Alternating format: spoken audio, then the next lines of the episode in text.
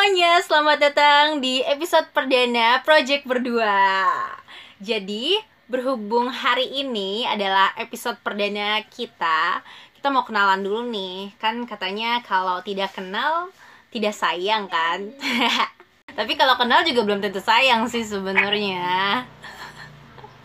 Ya betul, betul banget.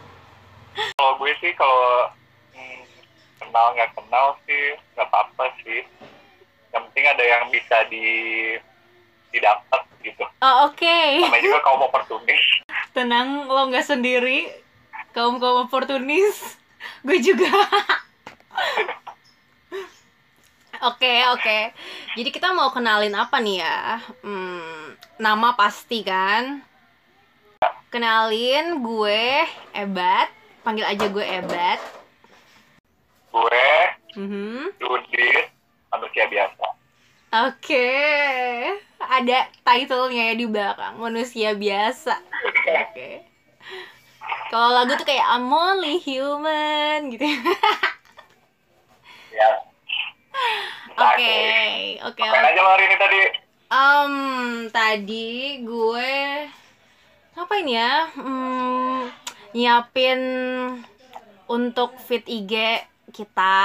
Karena kan ini baru episode perdana kita. Jadi kayak hmm, agak semangat, sangat semangat lebih tepatnya sih untuk mempersiapkan semuanya fit IG-nya kan. Terus kayak desain-desain untuk header YouTube-nya. Kayak gitu-gitu kan. Wow. Oke, jadi ya berhubung kan Eh, si project berdua ini adalah apa ya semacam hal yang akan kita lakuin bareng-bareng, walaupun mungkin isinya banyaknya tidak jelas. banyak ya penting nggak penting, tapi kalau buat gue dan lo sih pasti ya penting sih. iya sih. penting untuk penting untuk disuarakan. Podcast kita ini pastinya akan banyak obrolan yang penting gak penting, tapi kalau buat lo sama gue ya penting aja. Karena kan sambil Nggak aja. Karena sambil mengisi keseharian kita kan. Apalagi di 2020 ini Yang banyak hal-hal tidak terekspektasi Muncul. Kan di kehidupan lo, di kehidupan gue Kayak Ih, gue gak expect Ya. banget Ini akan terjadi. Tapi Ya mau gimana ya Kita harus menghadapi badai yang luar biasa ini. Ya bener banget sih. Kayak ya kayak tiap hari sekarang kerjaan gue ya kalau bukan buka job portal ya gue sibuk baca kalau enggak ya Netflix kalau enggak ya tidur. Bener sih, bener Bener. Kadang jenuh. ya, ya ya ya jenuh bosan kalau enggak ya mager. Bener-bener kayak kemarin mager banget. Mager banget kemarin kayak aduh ini kok dilihat-lihat job portal gini-gini aja ya isinya. Ya gitu doang apalagi acara cuma kayak mancing-mancing doang nggak dimakan beneran lagian. Iya. Kayak apaan sih gitu. Eh, ini mereka apa sih yang dicari gitu. Kayak udah banyak banget gue ngirimin CV kayak ada yang nyantol kayak udah ngebombardir banget. Kayak ya udah setiap hari bombardir kan apply apply job apalagi aduh apalagi sekarang lowongan pekerjaan yang harus di apply terbatas cuma di Indonesia doang kan. Ya betul. Ya apalagi ya kan apalagi kalau mau balik ke Malaysia sekarang nggak bisa juga. Betul udah banget. keluar kemarin beritanya kalau di BER. Benar. Connection di BER untuk masuk ke Malaysia. Ya sampai entahlah kapan nggak jelas. Dan kenapa sih di BER Hmm, kenapa tuh? Banyak banget sih faktornya ya. Kayak kalau bingung, gue personally sih bingung sih sebenarnya. Kalau mau nyalahin kayak siapa sih sebenarnya yang harus disalahin? Dan ya manusia kan kayaknya ada yang disalahin kan kayak ah ini sih lo sih gitu. Gara-gara lo semua nih ya. kita yang terdampak loh kita yang terdampak makin merasakan Tapi gue- dampaknya. aduh. Ya. Tapi gue emang mau menyalahkan manusia oke. Ya Aduh, ya. gue kesel banget tuh bang hmm, keselnya tuh gimana ya? Kayak kayak misalnya gini lu kan dari luar tadi kan eh, Hmm. tadi eh, pagian gue makan.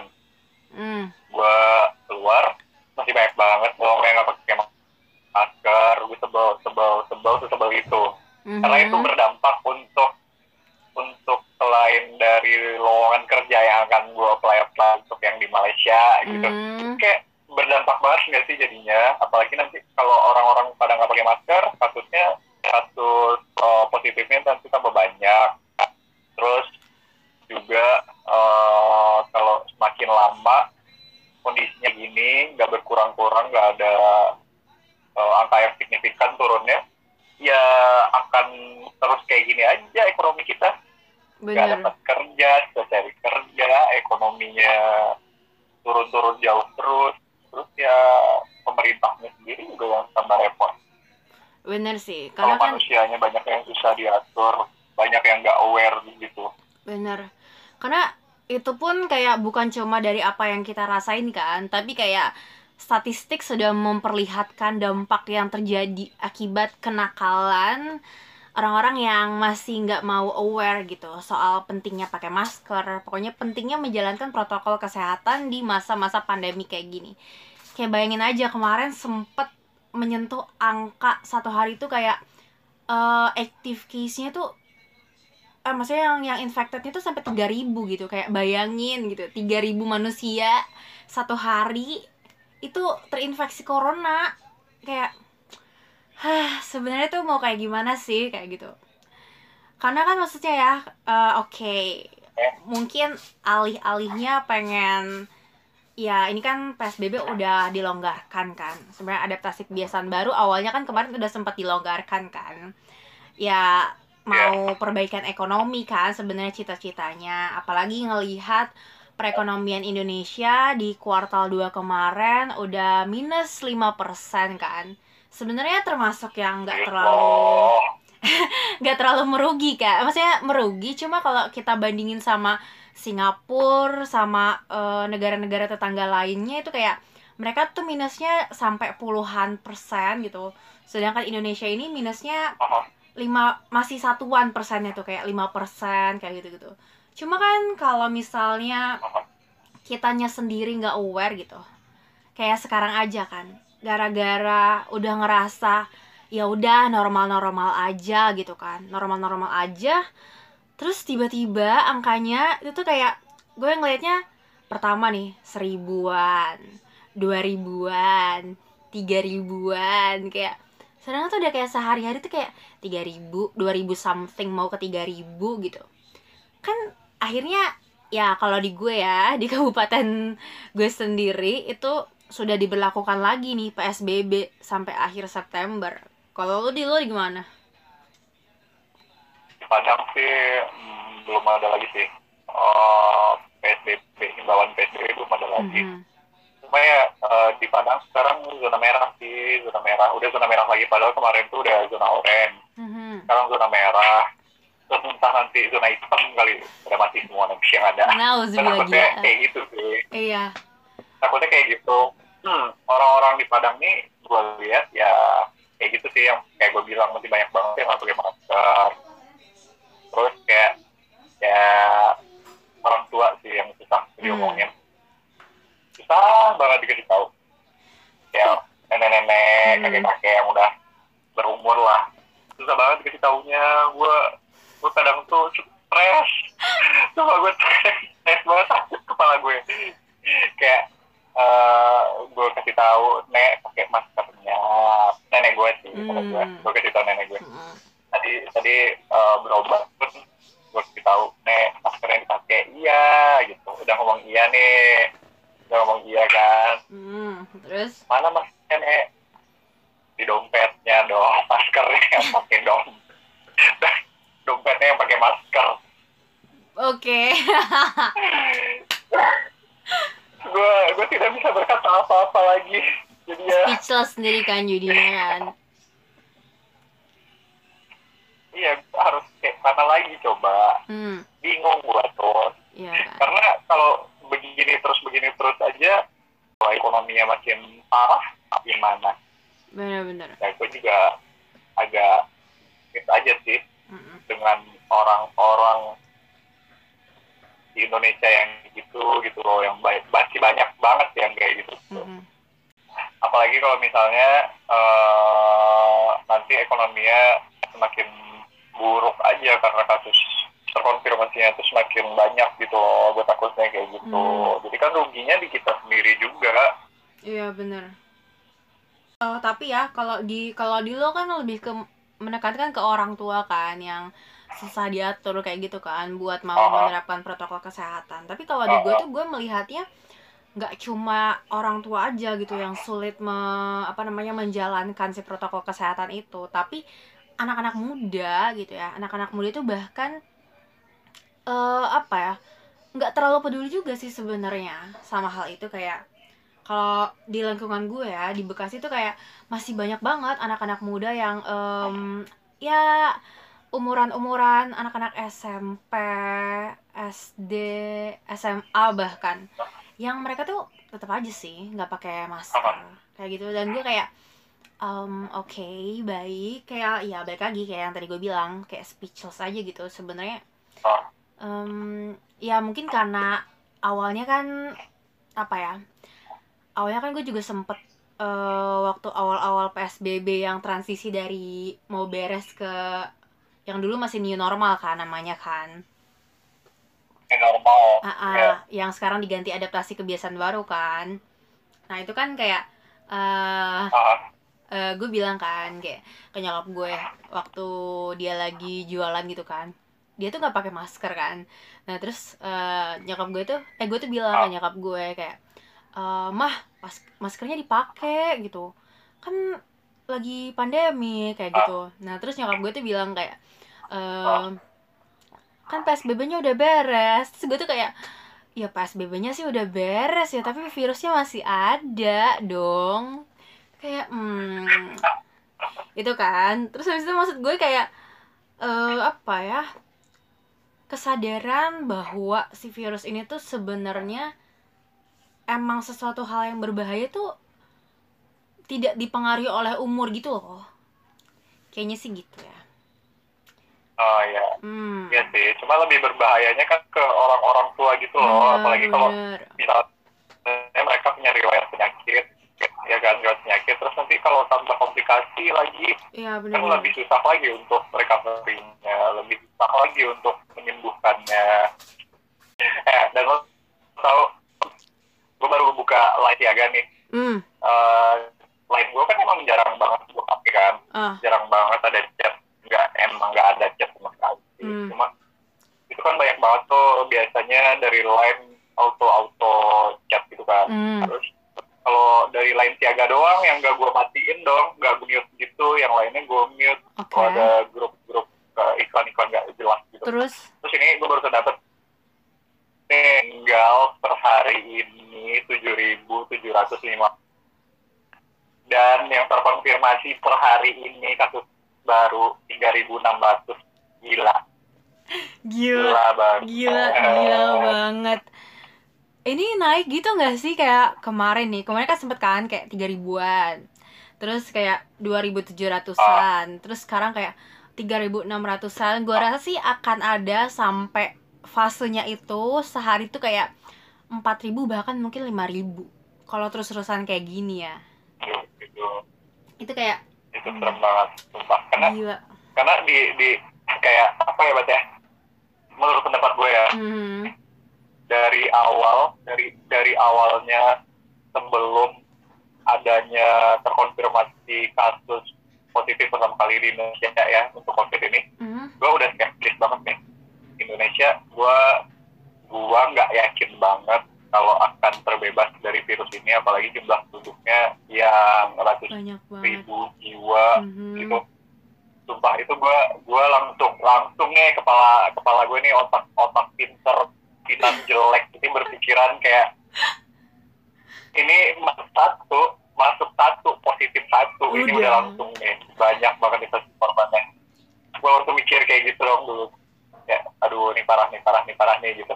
Ini udah kayak udah kayak senjata biokimia untuk pembunuhan mah bener-bener gue sampai mikir kayak gitu juga dong kayak serem banget gila.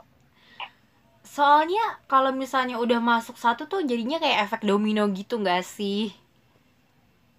Iya betul betul. Iya betul. Kan dan maksudnya kayak dengan betul banget. dengan sehari makin banyak hari-hari berikut makin banyak. Itu kayak ya gimana enggak di bear sama negara lain kan? Gimana enggak di bear sama negara tetangga buat masuk? Itu kayak itu kayak ya ampun pas baca berita itu oh my god gila gila. Itu bener-bener kan kalau kemarin-kemarin kan kayak negara tetangga itu kayak cuma meneruskan lagi kan. Oke kita sebut aja negara tetangganya kan Malaysia kan kayak masih nyebut masih kayak cuma nyebutin oke mereka memperpanjang lagi sejenis PSBB mereka gitu kan. Sejenis PSBB mereka. Kan? Mereka perpanjang sampai 31 Desember gitu kan. Tapi belum sampai ada announcement yang bener-bener bilang kalau misalnya Indonesia tuh di bear sampai akhirnya kayak itu dua hari yang lalu nggak sih? Ya ya ya ya. Tapi gue salutnya sih. Hmm. salut banget tuh sama Malaysia. Ya lo tau sendiri lah kayak mana ya kan? Bener-bener Malaysia kayak gimana striknya strict up Sus, ah, parah banget. covid ini? Kayak beda banget sih sama negara kita kita Iya, itu dia sih. Makanya ya mungkin oke, mungkin kayak beda orientasi lah gitu. Kalau eh, kalau mungkin hmm, Malaysia tuh kayak orientasinya ya udah gitu. Eh, mau kayak gimana pun ini di perspektif gue ya, gue ngelihatnya kayak mau kayak gimana pun hmm, kondisi perekonomiannya gitu. Kayak mereka oke mereka aware nih kayak kondisi perekonomian itu bakal bakal turun gitu kan bakal minus segala macem gitu tapi yang terpenting dari itu adalah eh, kondisi kesehatan si masyarakat Malaysianya itu gitu. Kalau si kerajaannya itu tuh Eh. ya kan? Kalau Ya. kalau gue ngelihatnya kayak justru nih kalau misalnya manusia ini kalau misalnya kayak manusia menjalin hubungan itu kalau Malaysia tuh super duper protektif banget gitu. Overprotective. Overprotective parah. Sedangkan kalau misalnya kayak eh ngebandingin sama negara kita gitu ya eh, mungkin fokusnya berbeda gitu. Mungkin kayak eh ya udah negara kita menganggap masyarakatnya udah hmm, dewasa mungkin. Jadi kayak ya udah yuk kita fokusin dulu ke perbaiki ekonominya dulu gitu. Sambil eh, ya berharap-harap dengan eh, mengimbau gitu kan. Mengimbau untuk menjalankan protokol kesehatan gitu kan Eh, kan bahasanya masih mengimbau ya kalau gue melihatnya. Jadi kayak enggak enggak mau enggak apa kayak misalnya Malaysia kan kayak eh, diwajibkan untuk memakai masker. Kalau misalnya nggak pakai masker akan didenda berapa ya? Seribu ringgit gitu kalau nggak salah ya. Tiga ribu Oh, bang tiga ribu OMG. Oke. Tiga ribu. tiga ribu nggak sih Sepuluh juta something gitu. Ya maksudnya kalaupun seribu atau tiga ribu itu kan kayak dendanya ya lo 3 juta sampai 10 juta kan. 3 juta 500 sampai 10 juta kan. Kalau Ya. ngikutin eh, apa namanya eh, rate yang sekarang kayak gitu. Eh, kalau gue nggak salah gitu ya correct me if I'm wrong kalau di Indonesia tuh kalau misalnya lo nggak pakai masker itu kayak eh ya udah gitu masih baik gitu loh masih baik kayak dikasih masker atau eh nggak boleh lewat sini kayak gitu. Orangnya balik terus nanti mungkin lewat jalan yang lain kan nggak tahu kan. Atau kalaupun misalnya di denda tuh dendanya tuh kayak masih ratusan ribu gitu loh kayak 150 sampai 250 ribu gitu kan. Maksud gua eh di mana yang di mana yang ada denda? Ada loh di awal-awal aduh gua nggak ingat di mananya sih. Cuma di daerah masih Jabodetabek kayak gitu. Daerah Jabodetabek waktu itu oh, if iya. I'm not mistake kalau misalnya teman-teman di sini yang dengar ternyata kayak punya info lain gitu nanti bisa mungkin kasih tahu kita dengan komen di bawah atau kayak gimana kan. Nah Ih, komen di mana bang komen di mana komen di YouTube channel kita. Komen di bawah. Iya, di bawah ya. Nah iya kan? Maksudnya kalau ngebandingin kalau ngebandingin kayak dendanya aja nih Malaysia hmm, ya baik lagi kita lupa sih ya seribu atau tiga ribu cuma berapapun itu cuma kan tetap aja value-nya kayak tiga juta lima ratus sampai 10 jutaan kan. Sedangkan kalau di Indonesia kayak masih angkanya ratusan ribu kayak gitu kan. Berarti kan uh, mungkin sebenarnya ya pemerintah uh, Malaysia mungkin tahu gitu kan kayak warganya nih sebenarnya ada aja yang bandel gitu. Warganya itu sebenarnya ada aja yang bandel. Nah Iya. makanya untuk mengantisipasi itu gitu kerajaan tuh kayak mau bener-bener gitu. Ya udah nih lo beneran pakai masker lo beneran ikutin protokol kesehatan atau lo ya udah gitu kena batunya nih. Kayak lo ngeluarin tuh du- lo ngeluarin tuh duit kan kayak sebanyak itu gitu. Sedangkan kalau misalnya di Indonesia gitu gue melihatnya mungkin kayak em, mungkin aturannya udah ada cuma implementasinya kayaknya kurang selaras gitu ya dengan apa yang direncanakan gitu kan. Jadi kayak Oh. mm, ya bisa kelihatan sih sebenarnya dengan apa ya pemberatan dendanya itu seberapa gitu. Berarti kan gue melihat kayak serius pemerintah gitu Iya, serius atau enggak. Atau misalnya kayak kerajaan tuh di kerajaan Malaysia tuh kayak lebih strict gitu, lebih kejam gitu terhadap rakyatnya, beneran gitu loh. Kalau misalnya Indonesia kan kayak masih ya baik-baik gitu, dibaik-baikin gitu kan. Padahal udah baik-baikin masih ya aja kan? padahal masih aja mungkin rakyat Indonesia sendiri nggak bisa digituin. ya emang nggak bisa nggak bisa dikasih hati nggak bisa minta jantung banget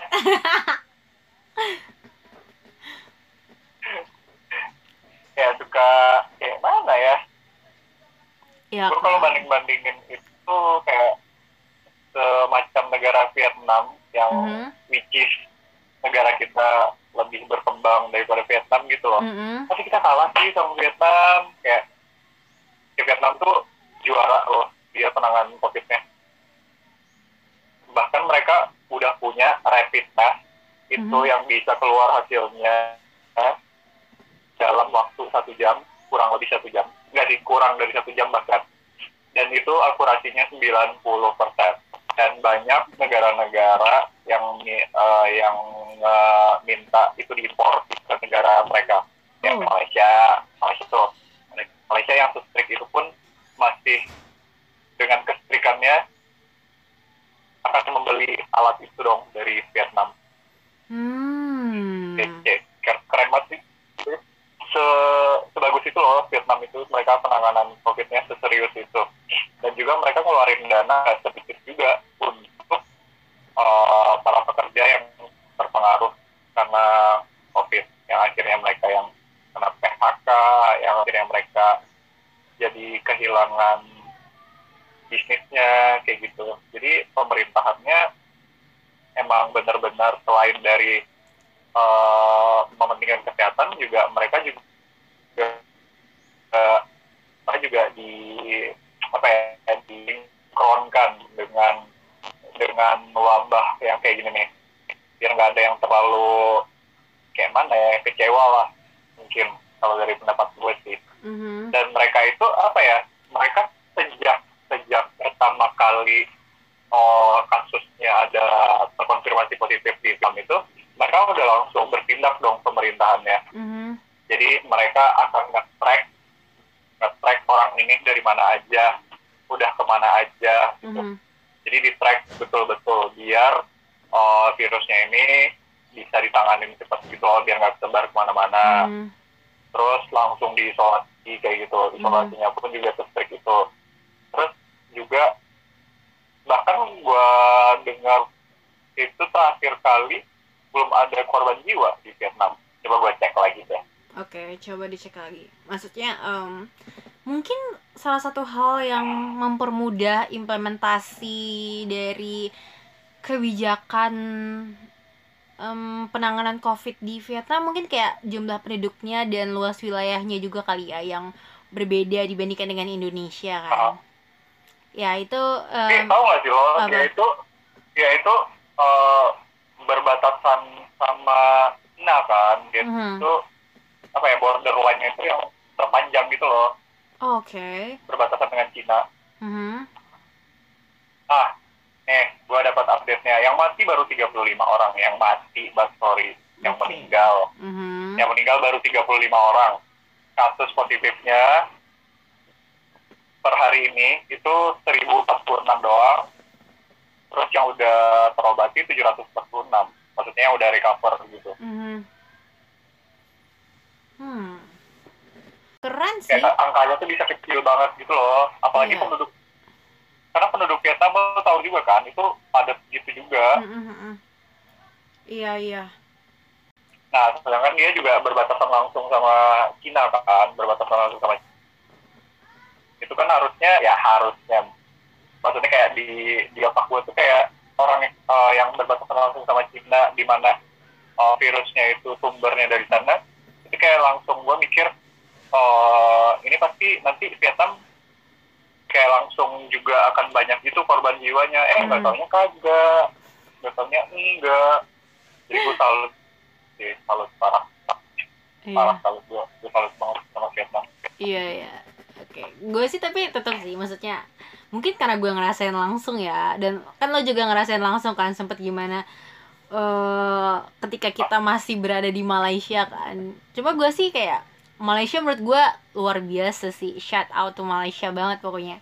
Keren banget sih menurut gue ya. Karena maksud gue kayak eh di saat case kita ini em, sudah semakin meningkat gitu kan ya kayak dari 1000 ke 2000, 2000 ke 3000, terus sekarang 3000 akan menjelang ke 4000 nih kayaknya. mereka tuh kayak oh yang maksud gue mereka tuh kayak masih angkanya tuh udah udah udah jauh banget dari kita. Kayak masih satuan sampai belasan kayak gitu. Rata kayak masih masih kayak lima lah lima tujuh sembilan sebelas kayak gitu. Kemarin tertinggi 14 kan gitu kan. Nah gara-gara kemarin atau dua hari yang lalu itu 14 kan. Nah mereka bilang kan kalau misalnya gara-gara 14 itu berarti eh, apa itu tuh case tertinggi gitu dari sebelum-sebelumnya mereka bilang kan dengan komposisinya itu kayak dari 14 9 case lokal dan 5 case impor gitu. Dan mereka langsung nge-track gitu oh ini udah 14 nih kayak gitu kan. Eh, total kasus di Malaysia hari itu gitu. Ini udah termasuk yang paling tinggi di antara kemarin-kemarin. Dan mereka sigap langsung ubah kebijakan mereka kayak gitu kan dari yang awalnya oke em, kita perpanjang nih em, RMCO-nya atau sejenis PSBB-nya sampai 31 Desember gitu. Ini benar-benar langsung 4 bulan kan gitu kan. Nah, selain itu juga mereka mungkin langsung ngelihat kali ya di antara em, negara-negara lain yang terdekat dan yang paling potensial untuk mempengaruhi keadaan kesehatan masyarakat mereka gitu kan kayak oh yang tertinggi kan kayak India, Filipina sama Indonesia kan dan langsung lah tuh kan karena kita ini tertinggi termasuk di antara salah satunya makanya langsung lah keluar kebijakan yang kita tuh di bear untuk masuk kan.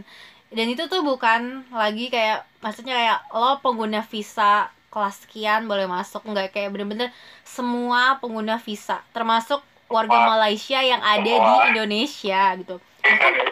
Bahkan Nggak bisa pulang gitu. Nggak bisa masuk kayak gitu. Kayak lo stay dulu di Indonesia. Dan itu tuh kita nggak tahu sampai kapan gitu sampai kapan akan seperti ini? Ya kayak- makanya makanya kayak kayak kalau masyarakat di Indonesia kalau masih kayak bandel kayak nggak nggak kayak suka keluar ke mana-mana tapi nggak pakai masker suka keluar ke mana-mana walaupun udah pakai masker tapi nggak jaga jarak. Terus kayak hmm, kayak mau sampai kapan? Kayak gini terus gitu. Bener. mau sampai kapan? Mau sampai mau sampai lagi penghuni negara Indonesia ini gitu.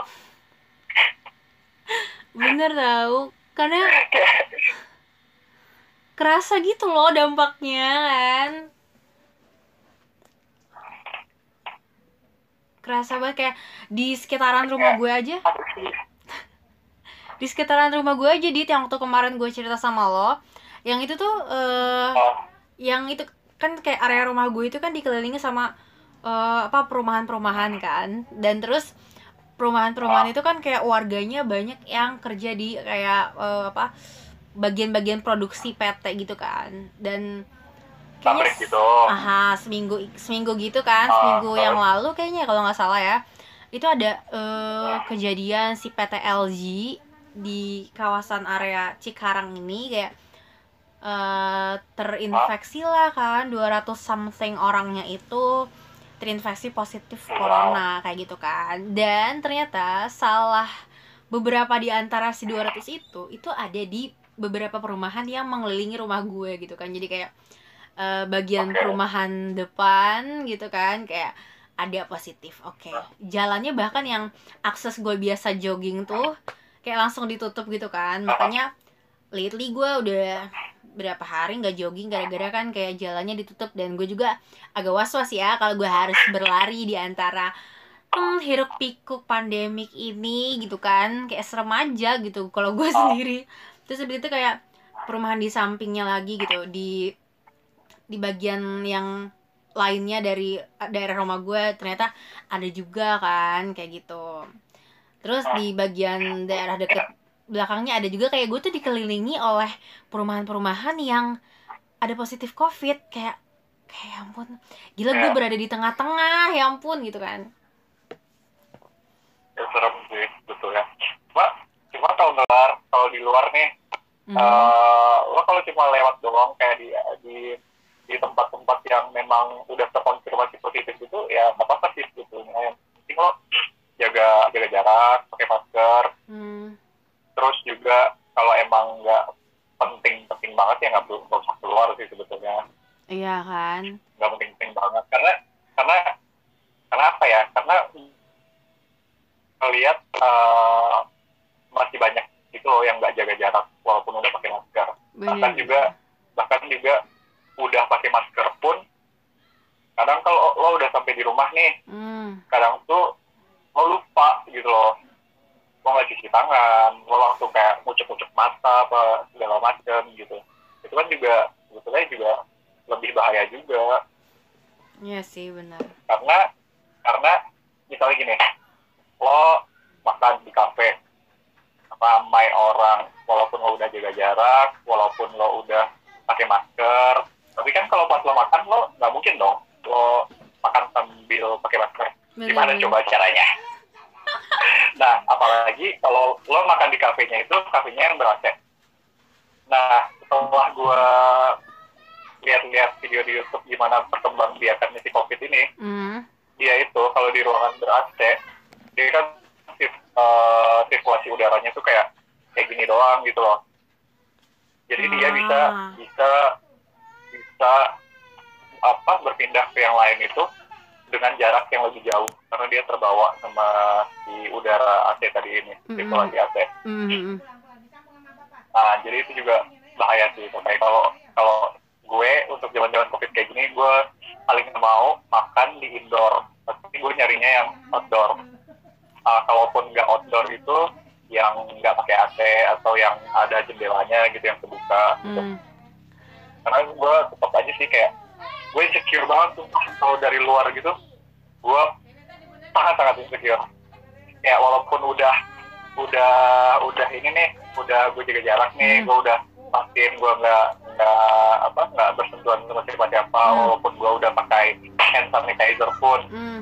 gue tetap aja dong jaga jarak sama orang itu kalau bisa 4 meter gue jaga jarak gue. Tapi tapi maksudnya itu emang kejadian tahu kayak eh, apa namanya? Itu kejadian di Korea kata teman gue. Jadi kayak di Korea di Starbucks gitu kalau nggak salah gue lupa sih di mananya. Di kafe lah intinya di ruangan tertutup yang ber AC karena satu orang yang positif covid yang lainnya tuh kena. Literally kena kayak kayak wow. Gitu. kayak ya kan? Kayak gue ya ngerasa emang wow gitu. Maksud gue Iya kan, gue kira tuh selama ini kayak ya aman gitu kan. Kalau misalnya di di apa namanya di yang ruangan kayak gitu, karena kan maksudnya mereka memang lebih menjaga protokol kesehatan lebih ketat kan dibandingkan dengan kayak ya, apa kayak orang-orang di pinggiran jalan gitu kan, kan sebenarnya kayak gitu kan. Cuma ternyata kan Ah, minusnya itu kayak ya ruangan mereka tertutup sirkulasi udaranya kan kayak gitu-gitu aja kan. Dan ternyata gue baru sadar gitu kayak oh ya ampun wow bahaya banget. Ah bener-bener harus jaga diri sendiri sih. Bener-bener jaga diri sendiri ke, ke- eh, soalnya kalau misalnya hmm, kita nggak jaga diri sendiri kita nggak tahu kan orang di sekitar kita itu jaga diri kita tuh atau jaga diri mereka sendiri atau enggak kayak gitu kan. Hmm. Iya jadi kayak ya mau nggak mau dia mau keluar Iya kan, jadi mau nggak mau ya harus kita jaga diri kita sendiri kayak Oh. gitu kan. Susah banget sih emang ini nanganin si covid itu kayak apa ya? Kalau misalnya ngomongin negara, lo tuh kayak harus seolah-olah seolah-olah tuh kayak lo harus pilih gitu. Lo mau rakyat lo makin banyak infected eh, atau ekonomi lo makin menurun gitu. Seolah-olah kedua hal tersebut tuh nggak bisa berjalan berdampingan gitu. Seolah-olah ya gitu. Untuk sekarang kan gue melihatnya kayak kalau lo mau pertahankan untuk mm, mempertahankan kesehatan masyarakat, lo harus mengorbankan ekonomi lebih daripada kesehatan masyarakat gitu kan. Sedangkan kalau misalnya lo mau mau menggerakkan roda ekonomi lagi gitu, lo harus mengorbankan nggak mengor- mengorbankan juga sih. Ya, iya bener sih kayak harus secara tanda kutip gitu kan, mengorbankan kesehatan masyarakat lebih gitu. Jadi kayak lo harus pilih salah satu dan itu tuh bukan pilihan yang hmm, mudah gitu karena dua-duanya ya siapa sih orang yang mau roda ekonomi negaranya itu tidak berputar gitu kan dan siapa sih yang mau masyarakatnya itu sakit terus-terusan gitu ya Sobat sih. Makanya dong gue gue mau dong masyarakat Indonesia ini biar kayak apa ya biar mereka ini ya nurutin aja sih. Eh, protokol kesehatan yang udah di digadang-gadangkan sama pemerintah gitu loh. Biar ya, biar kasus covid di negara kita ini tuh bisa ditekan yang udah positif yang udah terkonfirmasi positif gitu bisa sembuh bisa recovery. Terus juga misalnya yang emang biar nggak nambah lagi gitu loh kasusnya kalau Bener. nambah-nambah terus tuh akan jalan di tempat bahkan akan turun terus gitu loh. Kayak nggak akan ke mana-mana kitanya. Ya selain nggak akan ke mana-mana paling ke liang lahat gitu. Serem juga ya ya iyalah kalau kalau terus-terusan kayak gini mah liang lahat aja nanti semua. Terus gue suka suka ngebayangin gitu loh. Nah, nggak sih bukan suka ngebayangin ya maksudnya kayak sempet kadang terbayang kadang, tiba-tiba muncul gitu loh kayak hmm, lo tau sendiri lah pikiran random random kita itu kayak Iya, gimana iya. ya kan. Ya, tiba-tiba eh nanti kalau misalnya benar-benar karena covid ini semuanya pada meninggal gitu. Hmm, nanti yang nguburin siapa? Iya kan yang mau ngelayat siapa? Bahkan bahkan kemarin aja tetangga gue ada yang meninggal itu yang gue bilang. Dikit banget yang jenguk. Iyalah. Padahal sakitnya bukan karena covid. Padahal meninggalnya bukan karena covid. Gitu loh. Cuma yang jenguk dikit banget. Karena kayak manusia manusia ini masyarakat masyarakat ini tuh kayak apa ya ya skeptis juga sih kalau misalnya dia meninggal karena covid mereka juga nggak mau dibilang karena covid ada nggak sih yang kayak gitu? Iya bener tahu. Sebenarnya kayak hmm, apa ya? Ya kan kita nggak tahu ya kalau misalnya yang meninggal itu tuh kena covid atau enggak kan. Bisa jadi misalnya karena penyakit lain terus kena covid terus komplikasi we don't know right. Nah makanya Iya. kayak hmm, sebenarnya seolah-olah seolah-olah meninggal karena covid itu aib gitu nggak sih? Iya kan? Iya betul banget. Kayak kayak aib banget padahal ya padahal ya em ya virusnya aja belum ada obatnya gitu aja sih. Iya kan? Emang virus cuma belum ada obatnya gitu. Mm-mm. Tapi ya konotasinya tuh kayak bet kayak jadi kayak yang aib banget gitu loh. Hmm, bener-bener kayak Ya bener-bener gue. aib gitu gue. padahal padahal nih ya gue mikirnya kalau misalnya bisa lebih kooperatif gitu ya. Eh, misalnya kayak eh, ya udah gitu. Eh, karena memang bukan aib gitu ya dianggapnya. Terus kayak misalnya meninggalnya karena covid kan kalau misalnya jelas gitu eh, menerima kalau misalnya ini meninggalnya atau memang terinfeksi covid gitu. Dan apa namanya para pengurus RT itu bisa meng, apa ya mengakomodir atau membuat itu lebih membuat pendataannya itu lebih kooperatif kan jadinya trackingnya itu bisa lebih kelihatan kan sebenarnya kan. Kayak oke Ah. misalnya di rumah ini nih di rumah ini eh, ada yang positif covid kayak gitu kan. Atau misalnya ternyata meninggal meninggalnya itu diduga karena covid kan gitu kan. Kan bisa ada tindakan-tindakan preventif yang dilakukan dong biar nanti orang lain yang sekitarnya itu tidak merasakan dampak gitu. Dan sebenarnya tuh kayak eh maksudnya ketika tidak ingin ada orang lain yang merasakan dampak bukan berarti orang yang terinfeksi itu eh, mendapatkan sebuah aib gitu tapi emang susah sih susah sih maksudnya. Hmm, terus menurut lo apa sih tindakan yang harus dilakukan sama oh, si rukun tetangga itu si pengurus-pengurus RT itu Hmm. gitu loh biar nggak biar misalnya kalau ada dari oh, warga mereka ternyata meninggalnya karena covid. Hmm, harus gimana si pengurus RT itu menurut lo dari pendapat lo Oke, pertanyaan yang agak sulit. Gue harus menempatkan diri gue sebagai posisi pemerintah. iya Luar biasa. Sudah ngekritik doang kerjaan Ah, lo iya, bener, bener, bener, bener, bener. Agak dipaksa untuk berpikir karena sudah terlanjur mengkritik. Sepertinya tidak beretika ya kalau misalnya tidak memberikan solusi. Luar biasa sekali, Mas Iya, Aditya. Arif Cahyo ini. Hmm. Karena sama sama apa kalau kalau di gue kalau ngomong sama gue harus kayak gitu Ah, Oke. kalau lo mau ngekritik paling enggak lo harus nge-solusi lo harus ngasih harus ngasih pendapat lo harus kayak mana Oke. biar hobi lo nggak ngekritik doang Oh. Sebenarnya gue ini hanya memandang dari kacamata gue kan. Gue sebenarnya juga tidak mengetahui bagaimana tindakan sebenarnya yang dilakukan oleh pengurus-pengurus ini kan. Cuma gue merasa karena gue melihat di sekeliling gue masyarakatnya masih terlihat tidak begitu aware. Jadi kayak em, pertama mungkin kalau misalnya Oh, jadi ini pendapat gue gitu. Oke, gue melakukan penilaian berdasarkan apa yang gue lihat gitu. Oke, eh, kondisinya gue akan mulai dari kondisinya. Kondisinya itu masyarakat di sekitar gue yang notabene berada di tengah-tengah kamp apa di tengah-tengah di tengah-tengah area lain yang sudah terdampak covid kan kayak gitu kan.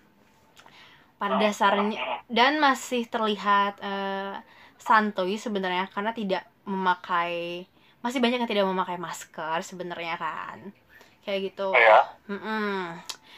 berarti kalau eh, mungkin bisa diambil kesimpulan nggak kesimpulan sih hipotesis mungkin mungkin pengurusnya itu belum sebegitu intensnya untuk memberikan arahan kepada hmm, masyarakat sekitar. Masyarakatnya. Iya kan, tentang bagaimana Oh. sih sebenarnya kita itu harus bener-bener fully aware untuk memakai masker apa pun yang terjadi, kan gitu kan? ya Ya kan, Ya. hipotesis gue seperti itu. eh, ya Ah oke, dari Ampun, hal itu, eh, berarti seharusnya si pengurus itu melakukan hmm, sosialisasi sebenarnya. Pakai toa-toa di masjid kan? Iya loh maksud gue kan kalau misalnya door to door kan kalau misalnya door to door sekarang itu pun hmm, sebenarnya bagus door to door kan kayak gitu kan. Cuma kan eh, ada ketakutan juga mungkin kan ada ketakutan juga gitu kan.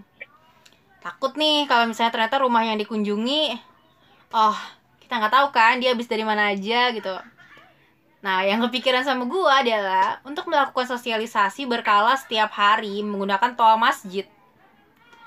Ya kan? oke Jadi di kayak lo udah ada belum Be? belum ada, gitu. belum ada, belum ada. ah oke baik Oke. Kayak nanti di tempat gue nanti gue kasih tahu deh. Nanti gue kasih tahu terus garing garing masjid. Gue suruh tiap habis sholat minimal berarti kan lima kali lima kali sehari kan Hmm. lima kali sehari minimal. Dia eh, wajib ini ngumumin harus pakai masker jaga jarak gitu loh. Itu menurut gue oke oke serius. Itu oke banget idenya. Iya, jadi kan maksud gue Hmm. kayak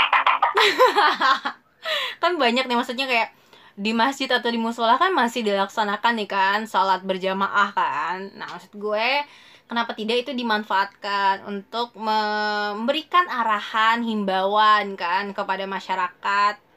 Kayak gitu kayak misalnya ya iya iya di- Ya, diomongin kan kayak gitu kan kayak Assalamualaikum bapak-bapak, ibu-ibu, anak-anak sekalian Jangan lupa untuk menerapkan protokol kesehatan Pakai masker ya bu, gitu. Kan, kalau ke mana-mana pak, gitu. Hmm, Jaga jarak, ya gitu-gitulah pokoknya ya gue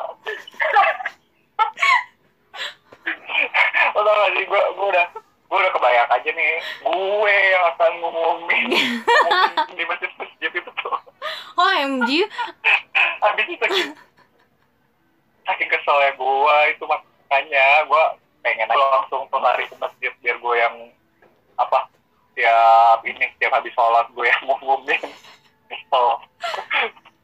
iya maksudnya kan itu kan kayak hmm, Ya, yang Gue? dipikirin sih itu ya Terus nanti lo di demo warga Tapi masa sih kayak gitu doang di demo ya? enggak lah enggak lah eh, gue favorit gitu. Ah, oke.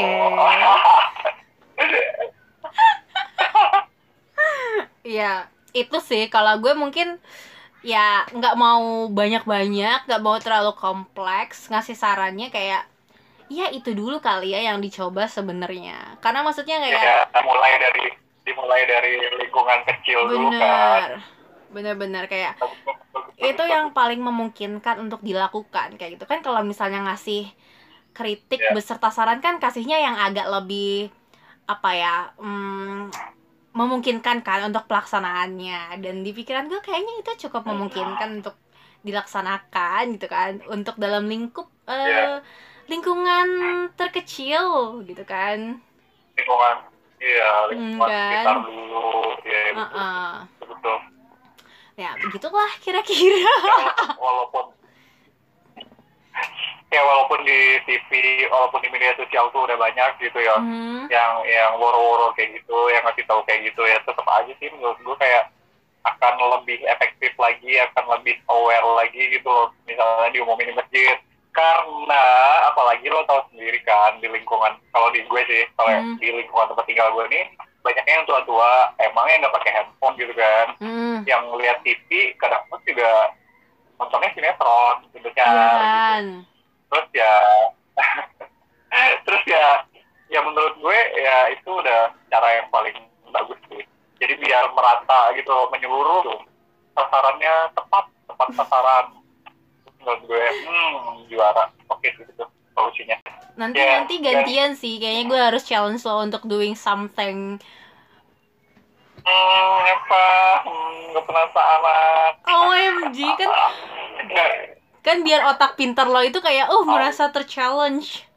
Oke semuanya, jadi tadi kita udah ngomongin banyak banget tentang kondisi COVID di Indonesia, kondisi COVID di eh, tetangga sekitar kita, tetangga sekitar Indonesia. Gimana kasih sedikit banget solusi yang mungkin bisa di hmm, dipraktekin sama lingkungan terdekat gitu kan. Siapa tahu bisa ada dampaknya lah untuk kasih sedikit bantuan dan lebih meningkatkan awareness masyarakat sekitar untuk hmm, peningkatan kepedulian untuk menjalankan protokol kesehatan biar kita semua sama-sama bisa lebih eh, terhindar dari dampak covid ini gitu kan. Akhir kata gue Ebat dari project berdua. Dan partner gue kita pamit dulu. Ya biasa. Sampai jumpa di episode berikutnya.